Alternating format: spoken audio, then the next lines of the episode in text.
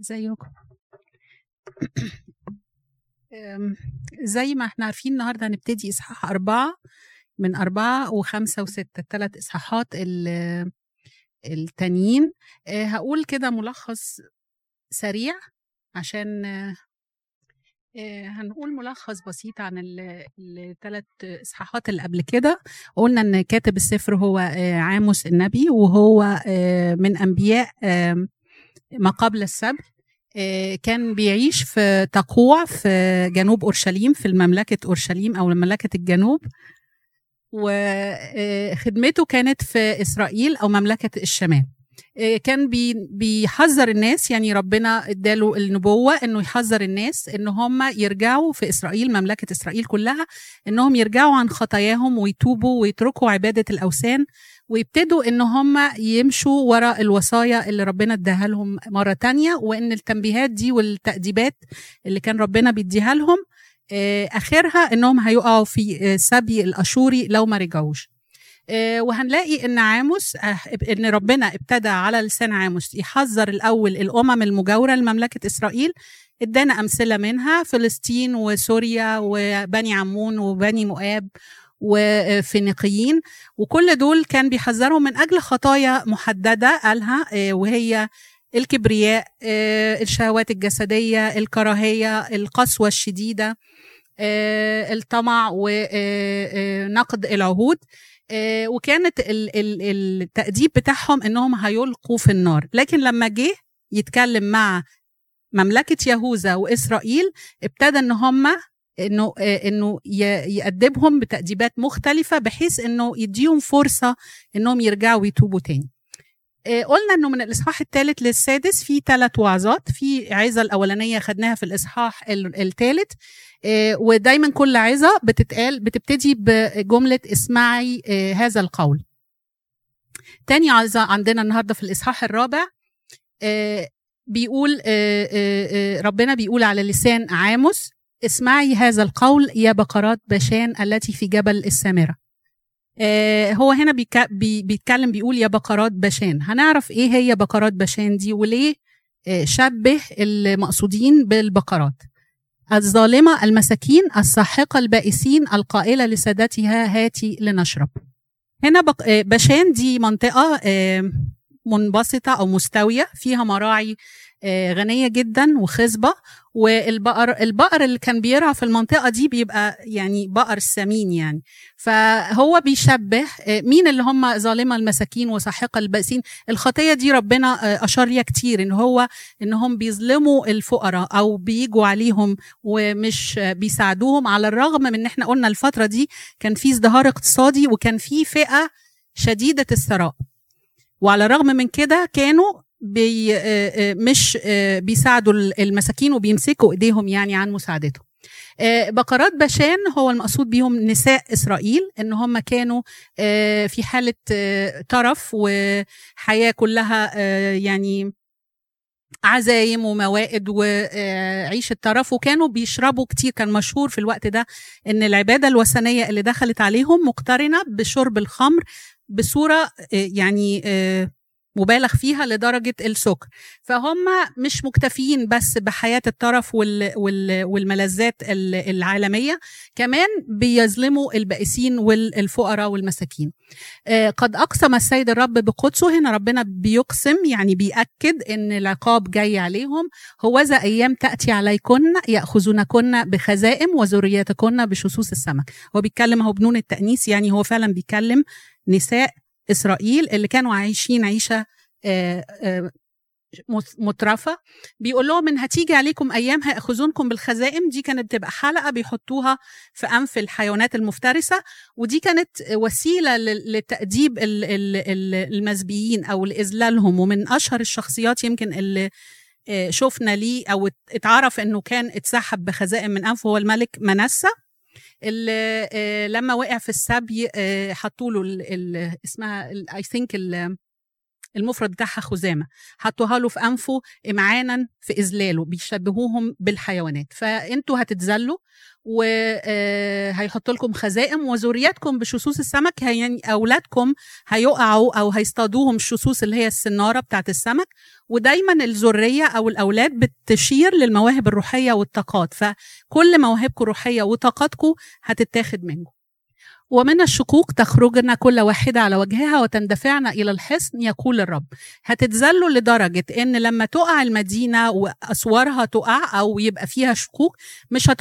مش هتقدروا تخرجوا من البيبان لأن جيش جيش أشور هيبقى واقف لكم بالمرصاد فهتضطروا إنكم تزحفوا على وجوهكم وتخرجوا من الشقوق وده علامة على الذل الشديد. هلم إلى بيت إيل واذنبوا إلى الجلجال وأكثروا الذنوب واحضروا كل صباح احضروا كل صباح ذبائحكم وكل ثلاثة أيام وشوركم هنا آه، آه، ربنا بيكلمهم على لسان عاموس النبي بطريقة تهكم. يعني بيقول لهم تعالوا إلى بيت إيل والجلجال. بيت إيل والجلجال كانت أماكن مقدسة. يعني هي كانت المفروض في الأول آه، أماكن مقدسة موجودة في في مملكة الشمال لكن هم الملوك آه، إسرائيل حولوها لأماكن لعبادة الأوثان بمرور الوقت يعني كانوا الأول حطوا فيها آه، تماثيل وقال لهم إن إن ربنا هيحل في التماثيل دي فأنتوا مش محتاجين تنزلوا للهيكل في الجنوب. بمرور الوقت بقت عبادة وثنية. فبيقول لهم روحوا وتعبدوا هناك واكسروا الذنوب لأن كل ما بتروحوا كل ما بتمارسوا الخطايا الزنا الروحي ده آه، ذنوبكم بتكسر وبتفضلوا ماشيين في طريق الضلال. احضروا كل صباح ذبائحكم. هم ما اكتفوش بالعبادة الوثنية لكنهم علشان يخدروا ضمايرهم كانوا بيقدموا الذبايح برضه. يعني إحنا بنعبد الأوثان شوية وبعدين علشان يعني كأنهم بيرشوا ربنا هنقدم لك ذبايح كل صباح وهي كان المفروض إنهم يقدموا الذبايح كل سنة وكل ثلاث أيام عشوركم كان المفروض كل ثلاث سنين بتتقدم العشور لكن هم كانوا بيكسروها علشان زي الواحد اللي حاسس بالذنب أو على راسه بطحه فعايز يعني خلاص بيسد الموضوع ده. ووقدوا من الخمير تقدمة شكر. طبعا الخمير كان ممنوع إن هو يتقدم في تقديمات لأن دايما الخميرة بتشير لإيه؟ الخطية أو للشر. يعني آه، فكان ممنوع إن أي تقدمة يبقى فيها خمير. ونادوا بنوافل وسمعوا. النوافل هي جمع نافلة. حد عارف هي معناها إيه؟ لا هي التقديمات الغير آه، موصى بيها. يعني الحاجة الإكسترا اللي بيقدموها من غير ما تكون في وصية إنهم يقدموها. فدي النوافل. سمعوا يعني إعلنوا. إعلنوا إن أنتوا بتقدموا. وهم كانوا دي من عادتهم يعني. آه اتباهوا إن أنتوا بتقدموا الحاجات دي. طبعا دي كلها أسلوب تهكم يعني. لأنكم هكذا أحببتم يا بني إسرائيل يقول السيد الرب لأن دي طريقة حبكم ليا أو أنتوا شايفين إن أنتوا كده بتحبوني لكن طبعا ده مش الحب دي عبادة مظهرية ما فيهاش أي نوع من الروحانيات. وأنا أيضا أعطيكم أعطيتكم هنا بيكلمهم بيقول لهم على بيسرد معاهم ال ال ال الضيقات اللي سمح بيها من أجل تأديبهم. فبيقول لهم أعطيتكم وكلمة أعطيتكم دي يعني لما الواحد يدي حد حاجة كويسة. وكأن التأديبات والضيقات دي فعلا عطية من ربنا. لأنه لو آه، عايز يسيبهم للهلاك هيسيبهم خلاص. لكن هو مش عايزهم يهلكوا. الطريق اللي هم ماشيين فيه طبيعة نهايته إنهم هيهلكوا مع إبليس. هو عايز ينقذهم ولذلك هو بيديهم التأديبات دي. من أجل خلاص نفوسهم. أعطيتكم إيه بقى؟ نظافة الأسنان في جميع مدنكم. نظافة الأسنان دي يعني كناية عن إيه؟ أو معناها إيه؟ آه جوع إن مفيش أكل. وعوز الخبز في جميع أماكنكم. فلم ترجعوا إلي يقول الرب. كلمة لم ترجعوا إلي دي هتتكرر خمس مرات في الإصحاح ده. عشان يأكد إن التأديبات دي إيه الهدف منها إنكم ترجعوا لي. مش أنا عايز أنتقم منكم ولا عايز اقضي, أقضي عليكم لكن أنا عايزكم تتوبوا وترجعوا. فسمح بالمجاعة ولم ترجعوا إلي. إيه كمان؟ وأنا أيضا منعت عنكم المطر إذ بقى ثلاثة أشهر للحصاد وأمطرت على مدينة واحدة وعلى مدينة أخرى لم أمطر. أمطر على ضيعة واحدة والضيعة التي لا يمطر عليها جفت. يعني منعت المطر سمحت بيه في أماكن وأماكن لا ربما الأماكن اللي ربنا سمح فيها بالمطر كانت أقل خطية. احتمال يعني في بيقولوا كده. وربما من إنه يديهم رجاء إنه المطر ما اتقطعش تماما وبالتالي في أماكن ممكن يحصلوا منها على بعض الغذاء. آه، فجالت مدينتان أو ثلاث إلى مدينة واحدة لتشرب ماء ولم تشبع.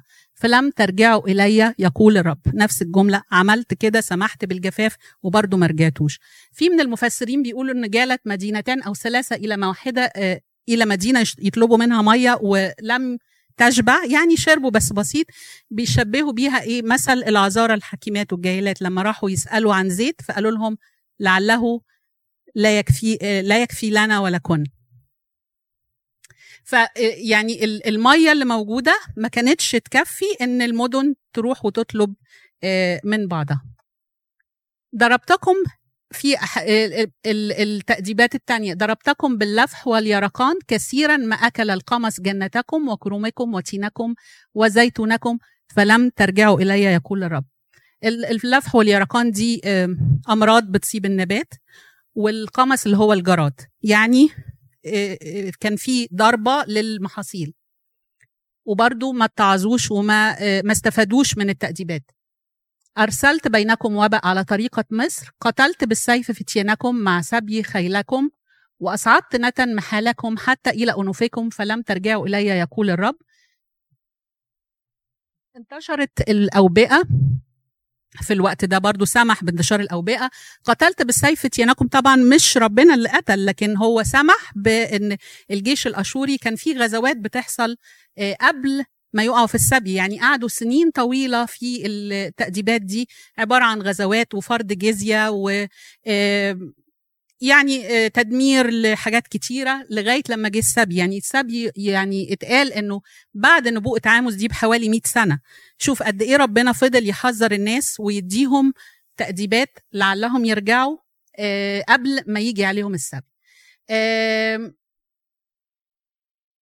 طبعا النتن أصعدت نتن محلكم دي نتيجة آه، إنه في الوباء ففي ناس كتيرة ماتوا والجثث كتيرة في المكان فكان في آه, آه.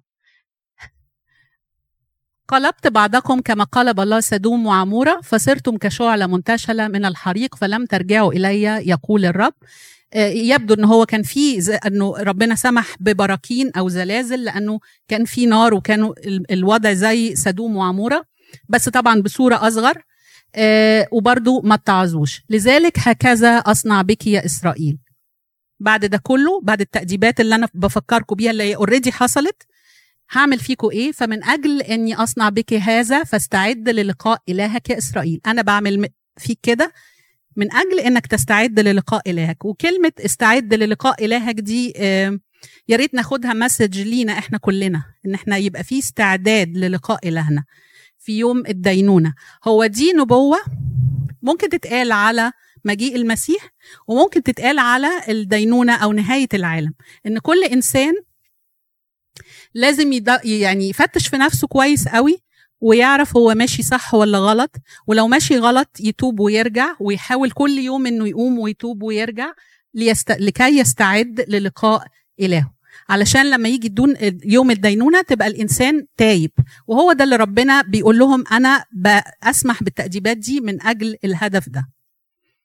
فإنه هو ذا الذي صنع الجبال. بيبتدي يعرفهم أو يفكرهم بمين هو إلههم. إيه طبيعته؟ لأن هم من كتر ما ضلوا الطريق وزاغوا عن طريق الحق آه، ربما يكونوا نسيوا الإله ده إيه. وإنهم كانوا كان أولى إن هم يعني يمشوا حسب وصاياه بدل ما آه، يعادوه أو إنهم يعارضوا وصاياه. فإنه هو ذا الذي صنع الجبال وخلق الريح وأخ وأخ وأخبر الإنسان ما هو فكره الذي يجعل الفجر ظلاما ويمشي على مشارف الأرض يهوى إله جنود اسمه. بيقول لهم أنا اللي عملت الجبال اللي أنتوا بتتحاموا بيها اللي خلقت الريح آه، اللي بمشي على مشارف الأرض على أعلى أماكن في الأرض هو اللي في إيده كل شيء وهو اللي في إيده يغير ويخلي الفجر ضلمة والضلمة نور. يعني هو اللي خلق كل شيء من العدم وفي إيده إنه يغير كل شيء. يهوى إله الجنود طبعا الاسم الكائن الأزلي الكائن بذاته. آه هندخل نبتدي الإصحاح الخامس العظة الثالثة. بيقول لهم اسمعوا هذا القول الذي أنا أنادي به عليكم مرثاة يا بيت إسرائيل. هنا بيرسي إسرائيل. والإنسان لما بيرسي حد يعني معناه إن هو بيحبه أو إن هو زعلان عليه. يعني هو في حالة حزن فبيقول له عزه رثاء. سقطت عذراء إسرائيل وهنا دايما إسرائيل كانت بتشبه بالعذراء لأن هي عروس آه، آه، يعني عروس المسيح أو عروس ال ال ال ال عروس المسيح يعني هو نفس البشرية اللي بيتخذها عروس ليه ولذلك هو بيغار عليها ودايما هي عذراء خاينة أو في معظم الأحوال زي ما إحنا شايفين هي دلوقتي. في خيانة لأن في عبادة للأوثان وفي ضلال عن الطريق. فبيقول إن عذراء إسرائيل سقطت هنا بتفكرنا بالآية اللي قالها آه، قديس بولس في كولوسي أو في كورنثوس الثانية ليتكم تحتملون غبواتي قليلا بل أنتم محتملية فإني أغار عليكم آه، غيرة الله لأني خطبتكم لرجل واحد لأقدم عذراء عفيفة للمسيح. فدايما النفس البشرية بتشبه بالعذراء. آه بيقول سقطت عذراء إسرائيل لا تعود تقوم إن طرحت على أرضها ليس من يقيمها. يعني هي سقطت بسبب خطاياها ما حدش يعني أسقطها. هي من نفسها سقطت بسبب طريق الخطية اللي هي مصرة عليه. لأنه هكذا قال السيد الرب المدينة الخارجة بألف يبقى لها مئة والخارجة بمئة يبقى لها عشرة من بيت إسرائيل. هنا بيورينا أنه لسه ليه فيهم بقية وهو حريص على البقية دي. لو ناخد بالنا النسبة الألف هيبقى منها مية والمية هيبقى منها عشرة يبقى نسبة قد إيه تقريبا؟ عشر أو عشر الموجودين هم البقية. فحتى لو البقية دي عشر زي ما دور على الخروف الضال كان واحد من مية يعني العشر ده هو حريص جدا إن محدش يهلك منه حتى لو كان عشر الموجودين. لأنه هكذا قال الرب لبيت إسرائيل إيه بقى المخرج من التأديبات وإيه المخرج من الضيقات اللي إحنا فيها؟ اطلبوا فتحيوا. ده باب الرجاء أو ده الباب اللي بيفتحه لهم مع التأديبات اللي بيديها لهم. إيه الحل؟ اطلبوا فتحيوا. طب نطلب إيه؟ هيوضح لهم. لا تطلبوا بيت إيل وإلى الجلجال لا تذهبوا وإلى بئر سبع لا تعبروا لأن الجلجال تسبى سبيا وبيت إيل تصير عدما. إحنا قلنا بيت إيل والجلجال وبئر سبع كمان كانت من الأماكن المقدسة اللي حولوها لعبادة وثنية. فبيقول لهم ما تروحوش الأماكن دي تسجدوا فيها لأن الأماكن دي هتفنى. أنا المقدسات اللي أنتوا آه، أفسدتوها بالعبادة الخاطئة بتاعتكم ما تعنينيش في حاجة. يعني هو بيقول لنا الرسالة إن المباني والأماكن والطقوس والحرف لا يعنيني. أنا يعنيني الإنسان اللي بيقدس في الأماكن دي. فلو أنتوا مش بتقدسوا بل بتضلوا طريقكم الأماكن دي كلها هتصير عدم. ده بيفكرنا بحوار السيد المسيح مع السامرية على البئر لما سألته أبائنا قالوا نسجد هنا ولا نسجد في أورشليم؟ فقال لها ما معناه؟ الآيتين دول إن هي تأتي ساعة وهي الآن حين الساجدون الحقيقيين يسجدون للآب بروح والحق. يعني مش مهم تسجدوا فين المهم إن السجود يبقى من القلب. وهو ده اللي ربنا بيعنيه بالظبط بال بال من خلال ال ال ال الكلام بتاع عاموس للشعب. أنا مش عايزكم تتمسكوا بالحرف وتقولوا إحنا بنروح أماكن مقدسة لأن أنتوا دنستوا الأماكن المقدسة فما بقتش ليها أي قيمة. آية ستة بيقول لهم اطلبوا الرب فتحيوا هم الأول قال لهم اطلبوا فتحيوا دلوقتي بيوضح لهم اطلبوا الرب فتحيوا هو ده ده طريق النجاة. واطلبوا معناها إن هم يعني بيكدوا في البحث يعني حاجة متشوقين ليها. اطلبوا الرب فتحيوا لئلا يقتحم بيت يوسف آه، كنار تحرق ولا يكون من يطفئها من بيت إيل آه، وهنا ذكر بيت يوسف. هو بيقصد كل إسرائيل لكن كان طبعا هو مافيش سبط اسمه سبط يوسف. هو كان إفرايم ومنسى أو نصف سبط منسى. لكن كان العدد الأكبر في ال في ال في إفرايم. فدايما بيذكر بيت يوسف عشان يذكرهم بيوسف أبوهم. وقد إيه كانت آه، حياته وكانت سيرته. و كان آه، السبط إفرايم أو يوسف بيت يوسف كانوا مطوبين من باقي إسرائيل لانهم كانوا بيملكوا أو كان بيت ايل من نصيبهم اللي هو في جبل السمر. آه، لكن طبعا الوضع أصبح مختلف خالص. يا أيها الذين يحولون الحق افسنتينا ويلقون البر إلى الأرض. يعني أنتوا بتقلبوا الموازين. الحاجة الصح بتحولوها بتعتبروها غلط. والعكس صحيح. الافسنتين هو نبات مر يعني شديد المرارة محدش يقدر ياكله فهو بيحوله. بدل ما يبقى الحق والعدل والصلاح والمحبة وكل البر بيحولوه لشيء مر محدش يقدر يقبله. الذي صنع الثريا والجبار ويحول ظل الموت صبحا ويظلم النهار كالليل. هنقف عند الحتة دي. الثريا والجبار هم كانوا مجموعتين من الكواكب. وفي الوقت ده زي ما كان في عبادة وثنية كان في عبادة للنجوم. فهم كانوا عارفين بالظبط إيه السوريا والجبار. فبيقول لهم أنا اللي صنعت الحاجات اللي أنتوا بتعبدوها دي. فيعني بالأولى بيكم إن أنتوا تعبدوا الإله اللي صنع. ويحول ظل الموت صبحا. ظل الموت المقصود به الليل. و... ودي آه، تعتبر نبوة آه، عن مجيء المسيح والفداء اللي هيتم على الصليب. لأنه هنشوف إن هي اتذكرت في أشعية الشعب السالك في الظلمة أبصر نورا عظيما. الجالسون في أرض ظلال الموت أشرق عليهم نور. النور اللي أشرق ده هو كان المسيح شمس البر. فربنا بيقول لهم قادر إن هو يحول آه، ظل الموت إلى صبح. من خلال مجيء السيد المسيح والفداء اللي هيتم على الصليب. ويظلم النهار كالليل وده اللي حصل وقت الصلب إنه بين الساعة الثالثه والسادسة أظلمت الشمس. الذي يدعو مياه البحر ويصبها على وجه الأرض زي ما إحنا عارفين إن مية البحر بتتبخر وتتكثف وتبقى سحاب وتنزل مطر.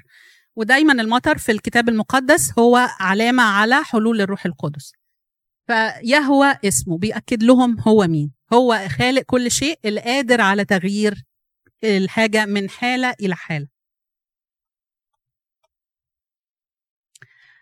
الذي بيكمل بيوضح لهم هو مين؟ الذي يفلح الخرب على القوي فيأتي الخرب على الحصن الخرب اللي هو الإنسان المسلوب هو اللي بيقدر ينصفه وينصره على اللي سلبه القوي اللي سلبه لدرجة إنه ممكن الإنسان المسلوب ده بيأتي ويمتلك الحصن بتاع القوي. ودي إشارة لنصرته لأولاده على إبليس وإن هو أولاده بقوتهم الذاتية مش هيقدروا. لكن لو ربنا معاهم بيقدر إن هو ينصرهم على إبليس بحيث إن هو ياخد لهم حقهم المسلوب منه. إنهم في الباب يبغضون المنذر ويكرهون المتكلم بالصدق. الباب الأبواب المدينة كانت بتبقى أماكن للقضاء. يعني القضاء كانوا بيبقوا قاعدين عليها والناس بتجيلهم بال الشكاوي بتاعتهم والحاجات اللي هم محتاجين إن هم يقضوا في يعني ياخدوا حكم فيها. فكانوا بيبغضون المنذر اللي بيحذرهم إن اللي بيحصل ده مش صح ويكرهون أي حد بيقول الصدق ويقول لهم إن ده شر وده عدل أو ده آه، ده ما يصحش كانوا بيبغضوه وبيسكتوه. آه، ولذلك من أجل أنكم تدوسون المسكين وتأخذون منه هدية قمح آه، بنيتم بيوتا من حجارة منحوتة. ولا تسكنون فيها وغرستم كروما شهية ولا تشربون خمرها. هو هنا بيقول على فساد القضاء إن هم كانوا آه، في قضائهم بيجوا على المس... بياخدوا يعني في محاباة للوجوه. بينصفوا الظالم لأنه ليه مركز. والفقير لو ما كانش يدفع رشوة يقولوا له هات من القمح هات من قوتك اللي انت مش بيكفيك على الرغم من غناهم الشديد. كانوا بياخدوا منهم آه، هدية قمح كرشوة آه، ومن أجل إن هم يعني ينصفوه أو يرجعوا له حقه. آه، فبيقول لهم أنتوا بنيتوا بيوت من حجارة منحوتة وطبعا الحجارة دي كانت رمز يعني للفخفخة. آه، لا تسكنون فيها. في حد تاني هياخدها منكم. يعني من أجل إن أنتوا بتيجوا على المسكين والفقير فبيوتكم اللي أنتوا بنيتوها هيجي اللي ياخدها منكم. وغروسكم الكروم الشهية ودايما الكروم أو الخمر بترمز للفرح. كل ده هيتاخد منكم. لأني علمت أن ذنوبكم كثيرة وخطاياكم وافرة أيها المضايقون البار. وكلمة المضايقون البار دي آه، يعني نبوة عن السيد المسيح وإن هم فعلا كانوا مضطهدين ليه. الآخذون الرشوة الصادون البائسين في الباب. بتيجوا على الفقير والمسكين وبتسلبوهم حقوقهم.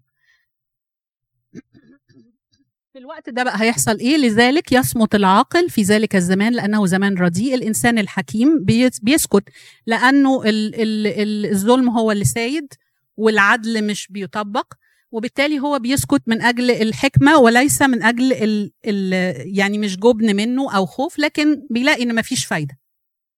اطلبوا الخير لا الشر لكي تحيوا فعلى هذا يكون الرب إله الجنود معكم كما قلتم. هنا بيقول لهم برضو طريقة تنجو إزاي. هو كل ما بينذر بيديهم طريق يفتح لهم باب. يعني أنا هديكوا تأديبات أو ضيقات الباب إن أنتوا تخرجوا منها إن أنتوا تطلبوا الرب إن أنتوا ترجعوا لالهكم ترجعوا تنفذوا الوصايا. فبيقول لهم ترجعوا إزاي لربنا؟ اطلبوا الخير. اللي أنتوا المفروض عارفينه كويس. فعلى هذا يكون الرب إله الجنود معكم كما قلتم؟ يعني أنتوا كنتوا عارفين ده. عارفين الحقيقة دي إن أنتوا لما بتعيشوا في وصايا ربنا بيكون معاكم. أنتوا عارفين كويس ده. آه ابغضوا الشر. يعني مش بس تطلبوا الخير ده أنتوا محتاجين تكرهوا الشر مش مجرد تسيبوه. لأن ساعات الإنسان يحب الخطية فلما يسيبها يبقى لسه في قلبه يعني آه لسه هيرجع لها تاني. أنا عايزكم تكرهوا الشر وأحبوا الخير وثبتوا الحق في الباب يعني ثبتوا العدل الباب إحنا قلنا اللي هي أماكن القضاء لعل الرب إله الجنود يتراءف على بقية يوسف. يعني لسه في بقية زي ما زي ما قلنا بيركز قوي إنه لسه في بقية لسه في رجاء. لذلك هكذا قال السيد الرب إله الجنود في جميع الأسواق نحيب يرجع تاني ويهدد وينذرهم بضيقات. وفي جميع الأزقة يقولون آه آه ويدعون الفلاح إلى النوح وجميع عارفي الرساء للندب. هنا بيجيب من البيئة أنه كان في الندابين والناس اللي بينوحوا فبيقول لهم يعني الوضع اللي أنتوا هتبقوا فيه يستدعي إنكم تبكوا وتنوحوا من أجل خطاياكم اللي وقعتكم في الضيقات دي.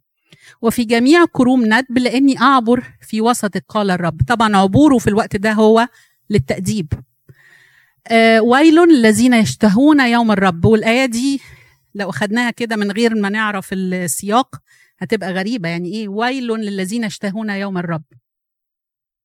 لماذا لكم يوم الرب هو ظلام لا نور؟ آه طبعا ويل للذين يشتهون يوم الرب للخطاة اللي بيشتهوا يوم الرب وهم مش حاسين إنهم بيغلطوا. يعني وأكيد في ناس كتير بتبقى عايشة في الخطية وهي مش حاسة هي حاسة إن ده العادي أو إن ده الطبيعي ومستنيين ربنا يجي. فبيقول لهم الويل لكم أنتوا مش حاسين إن يوم الرب ده هيكون عليكم أنتوا؟ الخطاء الغير تائبين هيكون ضلمة مش نور. في حين إنه هيكون على الناس التائبين هو إيه؟ هو النور هو فعلا اليوم اللي المفروض تشتهوه. فخلي بالك حذاري من إنك تكون في المجموعة اللي بتشتهي يوم الرب وهي مش مدركة إنها عايشة في الضلمة وبالتالي يوم الرب ده هيجي عليها هيبقى قاسي جدا. هيكون إزاي؟ كما إذا هرب إنسان من أمام الأسد فصادفه الدب. هنا بيجيب بقى من البيئة إحنا عارفين ان عاموس راعي غنم. فالأسد والدب دي من الحاجات اللي بيقابلها كتير. فبيقول لهم يوم الرب هيجي عليكم طبعا هو ال ال النبوة دي بتنطبق على الدينونة الأخيرة وبرضه بتنطبق على اليوم السبي أو لما هيجي عليهم السبي. فهي بت بت بتحمل الحادثين يعني السبي الأشوري والدينونة الأخيرة. هتحاولوا إن أنتوا تهربوا كأنكم بتهربوا من أسد. بعد ما هرب هربت من الأسد الحمد لله لقيت دب يعني حاجة أصعب. هربت من الدب وجريت ودخلت بيتك وبت... وبتستند على الحيطة ترتاح قرصك تعبان. يعني مش هتقدر تهرب منه. كما إذا هرب إنسان من أمام الأسد فصدفه دب أو دخل البيت ووضع يده على الحائط فلدغته حية. أليس يوم الرب ظلاما لا نور وقتاما ولا نور له؟ ده بالنسبة مين؟ للخطاء الغير تائبين. بغض كرهت أعيادكم. وهنا ابتدى بقى إن هو يعني يوضح قد إيه ربنا متألم متألم فعلا من الخطية اللي هم عايشين فيها وطريق الضلال اللي هم عايشين فيه. وهنا لما بيقول بغضت ما عمره ما قال لهم أنا كرهتكم لكن أنا بغضت خطيتكم بغضت تصرفاتكم بغضت طريقة الحياة اللي أنتوا عايشينها. كرهت أعيادكم لأن أعيادكم دي ما بقتش أعياد ليا. أنا أنتوا بتحتفلوا بالأعياد آه في مظاهر الاحتفال لكن ما فيش الروح. يعني زي ما قال أريد رحمة لا ذبيحة. أنا عايز الحياة الروحية الحقيقية عايز المحبة اللي من القلب. ولست ألتز باعتكافاتكم آه اللي هي الاجتماعات الروحية أو الفترات التعبدية التأملية اللي بتسبق الأعياد زي فترات الصوم بالنسبة لنا. يعني ممكن إن إحنا ناخد الرسائل دي إن إحنا أعيادنا ما تبقاش مظهريه وإن إحنا نستفيد بالفترات دي وفترات الصوم في إن إحنا فعلا نراجع نفسنا وإن إحنا نتوب وإن إحنا نحاول يعني نصلح من حاجات فينا نتغير ما نفضلش زي ما إحنا. إني إذا قدمتم لي محرقاتكم وتقدماتكم لا أرتضي أنا ما بقتش قابلها وذبائح السلامة من مسمناتكم لا ألتفت إليها. أنتوا بتقدموها مش مش بروح مش من قلوبكم مجرد ان مظاهر إن إحنا بنسدد حاجات وخلاص. ابعد عني ضجة أغانيك ونغمة ربابك لا أسمع. حتى الأغاني ومنها كان في أغاني روحية لأنه بعد كده يشير إنهم كانوا بيغنوا أغاني زي داود أو زي الترانيم اللي إحنا بنقولها. كل ده أنتوا بتقدموه مش أنا عارف يعني حقيقتكم من جواكم وبالتالي أنا مش قابلها منكم. وليجري الحق كالمياه والبر كنهر دائم يعني خلوا حياتكم مليانة بالحق والعدل والمحبة اللي بتبقى مستمرة زي النهر اللي المستمر في جريانه. هل قدمتم لي ذبائح وتقدمات في البرية أربعين سنة يا بيت إسرائيل؟ هنا بيفكرهم يرجع تاني لأيام ما كان بيعولهم في برية سيناء. ودي تعتبر يعني آه، من أزهى الفترات اللي عاشها الشعب إسرائيل واللي آه، أكتر الفترات اللي ربنا فعلا أعالهم بطريقة إعجازية يمكن ما تكررتش تاني. فبيقول لهم أنتوا هل أنا كنت محتاج لتقديماتكم؟ هل أنا طلبتكم بإن أنتوا تقدموا ذبائح في الفترة دي؟ ما طلبت يعني الذبائح مش هي المشكلة أو تقديم الذبائح مش هو ال ال السر في, في إنكم تبقوا عايشين مع ربنا أو لأ ولكن إن أنتوا بتقدموها إزاي هو ده المهم. هو يقصد بالآية دي كده بل حملتم خيمة ملكومكم وتمثال أصنامكم نجم إلهكم الذي صنعتم لنفوسكم. آه، ملكوم هو كان من آلهة المشهورة في الوقت ده وكان آه،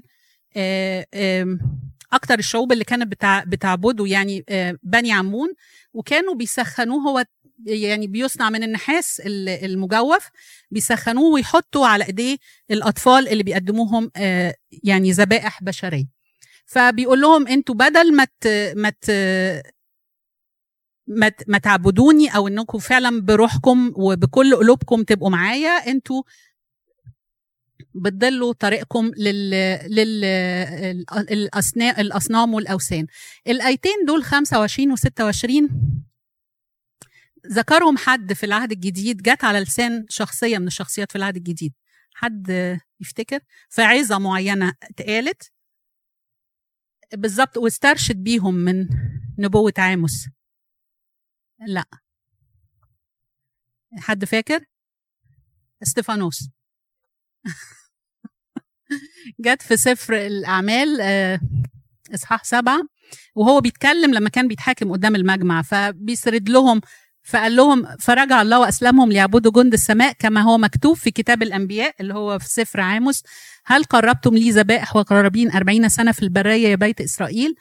بل حملتم خيمة ملوك ونجم إلهكم رمفان التماثيل التي صنعتموها لتسجدوا لها. فأنقلكم إلى ما وراء بابل. هو ده بالظبط اللي قاله في في سفر عامس. فأسبيكم إلى ما وراء دمشق. ده اللي هو السبي الأشوري. قال الرب إله الجنود اسمه. الإصحاح السادس وده الإصحاح الأخير بتاع السيشن النهاردة. آه، ابتدى بقى الويلات. هو خلص العظات الثلاث عظات في اتنين من الويلات. دي واحدة منهم. ويل للمستريحين في صهيون والمطمئنين في جبل السامرة نقباء أول الأمم يأتي إليهم بيت إسرائيل. المستريح المستريحين والمطمئنين الناس اللي هي مستسهلة الحياة. عايشة لا بتساعد فقير ولا بتجهد نفسها في أي حاجة. كل همها هي متاع العالم ولذاته وساكتين ومطمئنين وبيدوا انطباع خاطئ للناس اللي بتبص عليهم إن إن ما فيش حاجة غلط هتحصل يعني. نقباء أول الأمم النقباء اللي هم علية القوم أو القيادة بتاعة الشعب أول الأمم اللي هم إسرائيل لأن هم يعني كانوا بيعتبروا نفسهم إن هم أول الأمم لأنهم شعب الله المختار. فالعليا بتاعتكم اللي هم مطمئنين ومستريحين وبيأتي إليهم بيت إسرائيل من أجل إن هم يعني يطلبوا مساعدة أو كده فبيشوفوهم هم المثال بتاعهم أو ال ال الرول موديل بتاعهم مطمئنين فبيطمئنوا وهو اطمئنان زائف. اعبروا إلى يعني بيديهم بقى أمثلة شوفوا المدن دي حصل فيها إيه اللي كانت عظيمة وتعزوا منها. اعبروا إلى كلنا وانظروا واذهبوا من هناك إلى حمال عظيمة ثم انزلوا إلى جت الفلسطينية. هي أفضل من هذه الممالك أم تخومهم أوسع من تخومكم؟ يعني شوفوا إيه المدن دي حصل فيها دمار وفي منها اللي اتسابوا من بجيش الأشوري. فبيقول لهم بصوا وشوفوا وخدوا عظة من الأمم من المدن اللي كانت عظيمة وقوية. شوفوا إيه اللي حصل فيها. أنتم الذين تبعدون يوم البلية وتقربون مقعد الظلم. تبعدون يوم البلية يعني اللي بيجي يحذركم بتقولوا له يعني ما معناه يعني كده بعد الشر؟ يا شيخ افتكر حاجة كويسة. وكما لو كان يعني تحاولوا إن أنتوا تتظاهروا إن الموضوع ده مش هيحصل أو إن الموضوع ده لسه بعيد فبتخدروا ضمايركم وبتخدروا الناس اللي حواليكم اللي بيتخذوكم قدوة بإن أنتوا بتفترضوا إن ده مش هيحصل. سواء على السبي الأشوري أو زي دلوقتي لما حد يتكلم عن الدينونة أو على نهاية العالم فاللي اللي بيسمع ممكن يقول يعني يعني ده لسه بدري يعني ده مش مش دلوقتي. وتقربون مقعد الظلم يعني بتستمروا في الظلم بتاعكم أو بتزيدوا فيه يعني بتقعدوا عليه أكتر وأكتر المقعد بتاع الظلم وبتفترضوا إن يوم الحساب أو يوم البلية اللي هو السبي الحكم اللي جاي عليكم ده بعيد ده مش هيحصل. المضطجعون على أسرة من العاج والمتمددون على فرشهم والآكلون خرافا من الغنم وعجولا من وسط السيرة. كل دي مظاهر الطرف اللي كانوا عايشين فيها. وده الغنى اللي هم كانوا موجودين فيه زي ما قلنا إن الفترة كان فيها ازدهار اقتصادي كبير فكان في طبقة متنعمة. الهازرون مع صوت الرباب المخترعون لأنفسهم آلات الغناء كداوود. هنا كانوا بيهزروا بيتهكموا هم بيغنوا أغاني داوود. الشاربون من كؤوس الخمر والذين يدهنون بأفضل الأدهان ولا يختمون على انسحاق يوسف يعني عايشين بيشربوا بيسكروا بيتمتعوا بكل حاجة ومش مش في بالهم خالص انسحاق يوسف أو ال ال الضيقة الكبيرة اللي جاية اللي هتسحق الكل اللي هو السبي الأشوري. لذلك إيه اللي هيحصل لكم؟ الآن يسبون في أول المسبيين. ده أنتوا مش هتكونوا مسبيين ده أنتوا هتكونوا أول المسبيين. ويزول صياح المتمددين اللي هم المتمددين على الفراش ومستريحين ومطمنين. قد أقسم السيد الرب بنفسه يقول الرب إله الجنود إني أكره عظمة يعقوب وأبغض قصوره فأسلم المدينة وملئها. برضو هنا بيقسم أنه بيكره إيه؟ عظمة يعقوب أو كبريائهم أو إحساسهم بالغنى والسلطة والاهتمامهم بكل ملذات العالم. بيكره الخطايا دي فيهم وهيسلمهم لأعداهم لأعداهم فيكون هيكون الحال إيه بقى؟ هيكون الحال صعب جدا. فيكون إذا بقى عشرة رجال في بيت واحد إنهم يموتون. لو فلتوا من جنود الأشوريين ودخلوا البيت لو عشر رجال هيموتوا جوه البيت. وإذا حمل أحدا عمه ومحرقه ليخرج العظام من البيت وقال لمن هو في جوانب البيت عندك بعد؟ يقول ليس بعد فيقول اسكت فإنه لا يذكر اسم الرب. يعني إيه ده؟ فإن حمل أحد إن إذا حمل أحدا عمه يعني العم هيشيل جثة ابن أخوه الشاب اللي هو هيتقتل في الحرب. محرقه إن هم هيحرقوا الجثث فعمه ده هيشيل يعني معناها إن الشباب هيتقتلوا مش هيبقى فيه موجود يشيل الجثث غير الناس الكبيره وإنهم هيبقى فيه حرق للجثث وده كان بيستخدم أحيانا لتكريم الجثة بيحرقوها مع حنوط أو مع أطياب لكن هو في الوقت ده لكثرة القتلى هيبقى ما فيش وقت يدفنوا بقى. فيخرج العظام البيت هيسأل بقى هيسأل عندك حد لسه جوه عايش؟ فهيرد عليه من جوه إيه؟ ليس بعد. هيقول له إيه؟ ليه؟ اسكت فإنه لا يسكت ليس بعد لأنه اسم الرب مش بيذكر وهو خلاص هم في الوقت ده عرفوا إن ربنا سلمهم هو اللي سلمهم لإيدين أعدائهم وإن كل الخراب والدمار اللي حصل ده كان بت... ب... بسبب خطيته.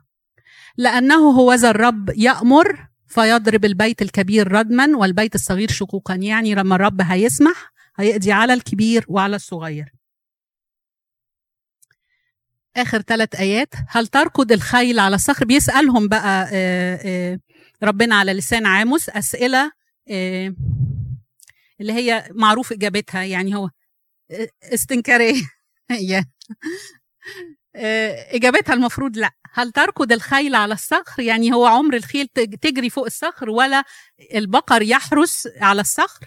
طبعا لأ. يعني أنتوا قلوبكم بقت صخر أو حجر فما بقاش في حاجة تنفع إنها تصلحها غير انكم فعلا تسلموا للسبي. حتى حولتم الحق سما وثمر البر أفسنتينا لأنكم أنتوا اللي غيرتوا الموازين وبد... وخليتوا الصح غلط والغلط صح. أنتم الفرحون بالبطل القائلون أليس بقوتنا اتخذنا لأنفسنا قرورا؟ أنتم بتت... بتتباهوا بقوتكم الذاتية. وبتقولوا إن إحنا بشطارتنا وبكفاحنا وتعبنا اتخذنا المناصب دي أو وصلنا للدرجات اللي إحنا فيها دي. لأني أنا ذا أقيم عليكم يا بيت إسرائيل يقول الرب إله جنود أمة فيضايقونكم من مدخل حماة إلى وادي العرب. أنتوا اللي بتتباهوا بكل ده وبتقولوا إحنا اللي عملناه بشطارتنا أنا هخلي أمة تيجي تضايقكم اللي هم الأشوريين من مدخل حماة في الشمال إلى وادي العربة في الجنوب يعني من الشمال للجنوب. ده كان آخر الدراسة النهاردة. المرة الجاية هنكمل إصحاح سبعة وثمانية وتسعة.